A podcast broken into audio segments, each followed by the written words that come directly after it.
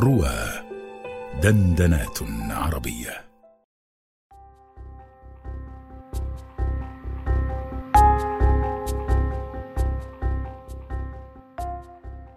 لماذا نحتاج مزيدا من الفلسفة؟ مقال لمايكل ماهر. نشر على موقع إضاءات بصوت الراوية أسماء يسري. بمجرد ما أن تذكر كلمة فلسفة تتبادر إلى الذهن تصورات شديدة التجريد لأفكار معقدة وربما لكثير من التنظير الفارغ المنفصل عن حقيقة الحياة اليومية التي يعيشها الإنسان. ولكن بنظرة فاحصة نتوصل إلى أن تلك المعتقدات ليست إلا صنيعة وتيرة الحياة السريعة. التي لم تعد تسمح للإنسان بفسحة للتفكير والتأمل. لم يكن دور الفلسفة يقتصر على محاولات تفسير الوجود وحل مشكلاته الميتافيزيقية وتلبية احتياجات الإنسان النفسية وسد الفجوات التي كانت تصنعها حالة الشعور بالاغتراب والقلق الوجودي الذي يرافق الإنسان في حياته فحسب بل كان للفلسفة دور محوري في المجالات العملية على أصعدة مختلفة التي أسهمت في تطور المجتمعات والمضي بها قدما. الأخلاق والقانون. لطالما انشغلت الفلسفة بالأخلاق كأحد أهم المباحث التي أرهقت الفلاسفة على مدار قرون وكانت من أكثر الموضوعات التي شهدت اختلافات كبيرة بين المفكرين والفلاسفة فلم يكن يجرؤ على الخوض فيها إلا قليلون لما تمثله الأخلاق من أهمية قصوى لبنية المجتمعات. ومن جانب آخر فإن الأخلاق كانت دائما من أكثر المباحث حساسية وذلك بسبب موضع الأخلاق التأسيسي في بنية المجتمع. فمن المستحيل أن يجتمع مجموعة من البشر في مكان واحد بهدف الإقامة وممارسة الأعمال الحياتية دون أن يحددوا ويتفقوا على مفاهيم الخير والشر التي من خلالها يتم ترسيم الحدود الفاصلة للحقوق والواجبات داخل كل مجتمع بالطريقة المثلى للفرد والجماعة. وقد اختلف الفلاسفة كثيرا على أصل الأخلاق فردها بعض الفلاسفة إلى العقل أي أنها مرتبطة بقوانين العقل الخاصة بالبداهة وذلك ما جعلها مثالية ومفارقة. وقام آخرون باستنباطها من العلاقات الجدلية بين مكونات المجتمع في إطار براغماتي نفعي. وهذا ما جعل الأخلاق مادية ومحايدة. وتلقى آخرون الأخلاق من مصادرها الدينية بوصفها مستلمة مباشرة من الإله ذاته. وعلى مدار التاريخ يمكننا أن نراقب بشكل واضح حركة تطور الأخلاق التي كانت مرتبطة بالحالة السياسية والاقتصادية للمجتمعات. فعلى نهج الفيلسوف الألماني فريدريك نيتشه الذي قام بتقسيم الأخلاق إلى أخلاق للسادة وأخلاق للعبيد وقام بتفسير منشأ كل حزمة من الأخلاق على أساس طبقي واجتماعي فكل طبقة من المجتمع اختارت لنفسها المنظومة الأخلاقية التي تخدم مصالحها. يمكننا أن نرى من خلال تلك المنهجية في التفسير قدرة الأخلاق على التغير والتشكل باستمرار على حسب البيئة السياسية والاجتماعية والظرف التاريخي المقترن بكل حالة على حدة. وهذا ما كان يشغل الفلاسفة دوما في كل الحقب التاريخية. إما بالتفسير والشرح أو بالعمل أو الطرح. ومع تطور المجتمعات ووصولها إلى نظم الدول الحديثة القائمة على الدساتير ظلت فلسفة الأخلاق محتفظة بمكانتها ذاتها في الأهمية والحساسية. فبدون التأسيس الفلسفي الأخلاقي لمفاهيم الخير والشر الذي يحيلنا إلى مفاهيم العدل والظلم لا يمكننا أن نحدد المنظومات القانونية بشكل مقبول. فالدساتير الحديثة هي مؤسسة أصلا على المبادئ العالمية لحقوق الإنسان التي كانت منتجا من منتجات مبحث الأخلاق في الفلسفة الحديثة التي كانت منتجا من منتجات مبحث الأخلاق في الفلسفة الحديثة.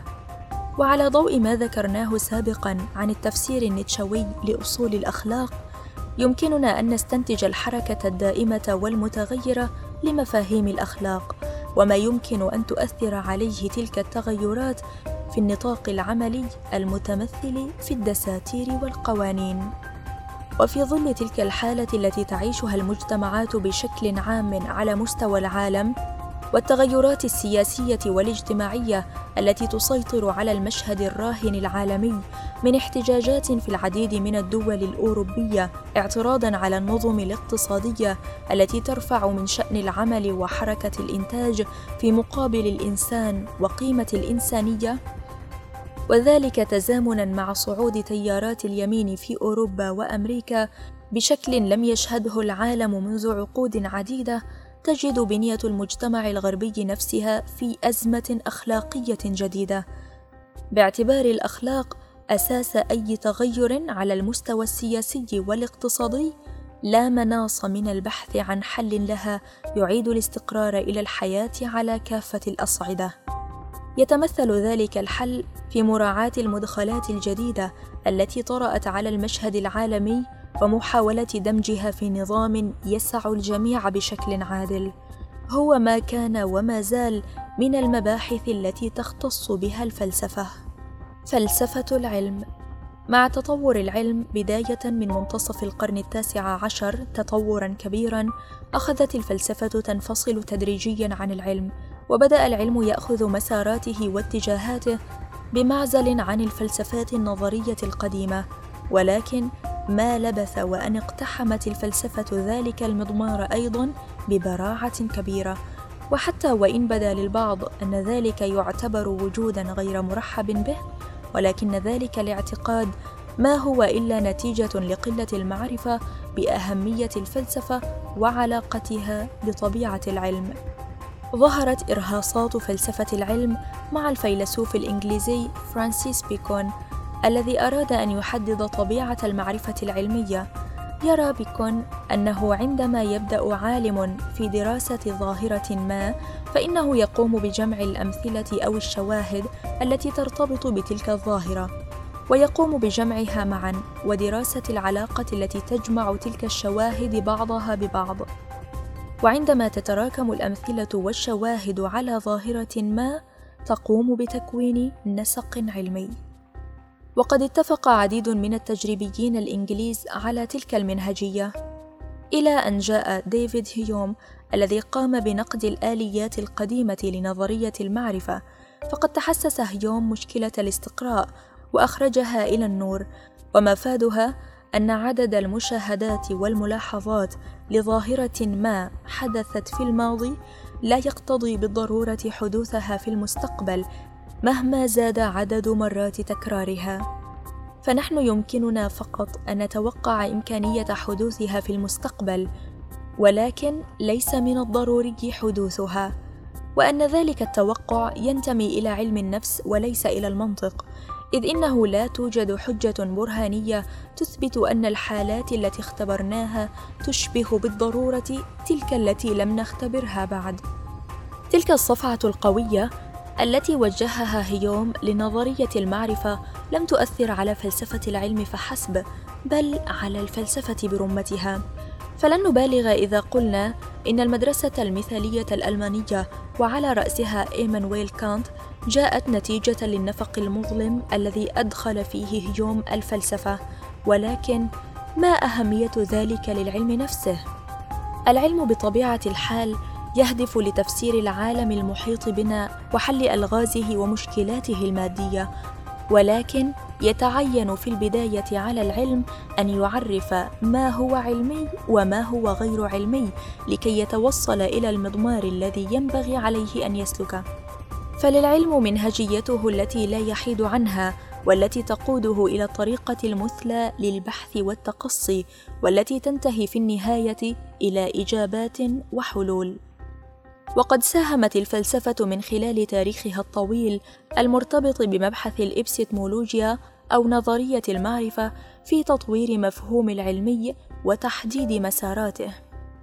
فقد ارتأى تلاميذ وأتباع فرويد أن نظريته في التحليل النفسي ترتفع إلى منزلة المنهج العلمي ولم تقتصر محاولة توسيع رقعة العلمي على ذلك بل إن فريدريك إنجلز قال بأنه إذا كان داروين اكتشف نظرية تطور الكائنات فإن ماركس قام باكتشاف نظرية تطور المجتمعات في محاولة لوضع النظرية الماركسية في مصاف النظريات العلمية.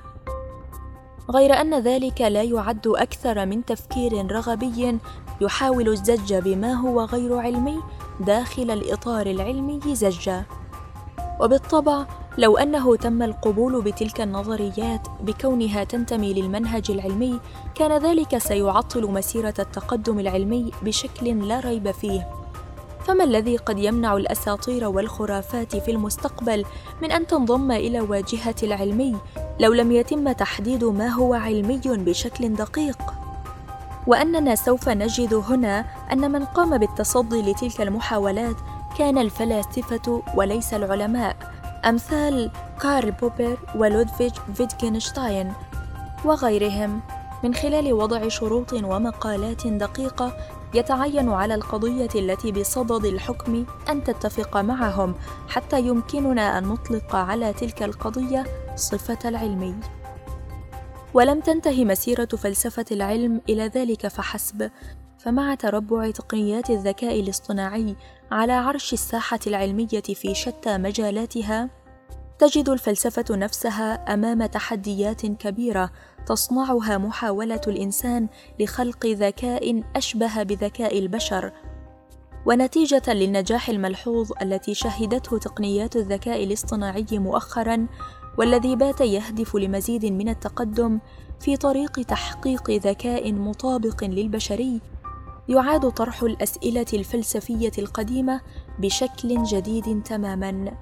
فعلى سبيل المثال هل يجب أن نضع في الإنسان الآلي انماطا وتعريفات مسمطة للخير والشر يتوجب عليه التصرف إزاءها بشكل صارم؟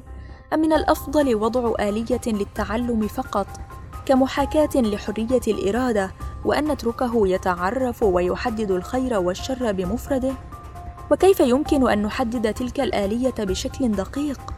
وماذا لو أن وقع الاختيار على الشر وأصبح الذكاء الاصطناعي شريرا؟ وهل إذا قمنا ببرمجة الذكاء الاصطناعي على الخير جبرا فكيف لنا أن نطلق عليه ذكاء وهو لا يملك حق التفكير والاختيار؟ وكيف لنا أن نجعله يفكر ويختار دون أن يعي وجوده في الأساس؟ وما هو الوعي كل تلك الأسئلة الكلاسيكية أعيد طرحها من جديد ولكن من منظور آخر. فبعد أن كان الإنسان يطرحها على ذاته بصفته موجود أصبح الإنسان يطرحها في محاولة لأن يصبح هو الواجد. في النهاية يمكننا أن نرى الآن الصورة بعدما أضحت أكثر وضوحا. إن كل ذلك الزخم الذي نعيشه في شتى مجالات الحياة لا يجد مناصا من الاستعانة بالفلسفة وبدورها وإرثها وماضيها وحاضرها من أجل محاولة لن تكون الأخيرة لفهم ذواتنا ولفهم ذلك الكون العظيم الذي نعيش فيه.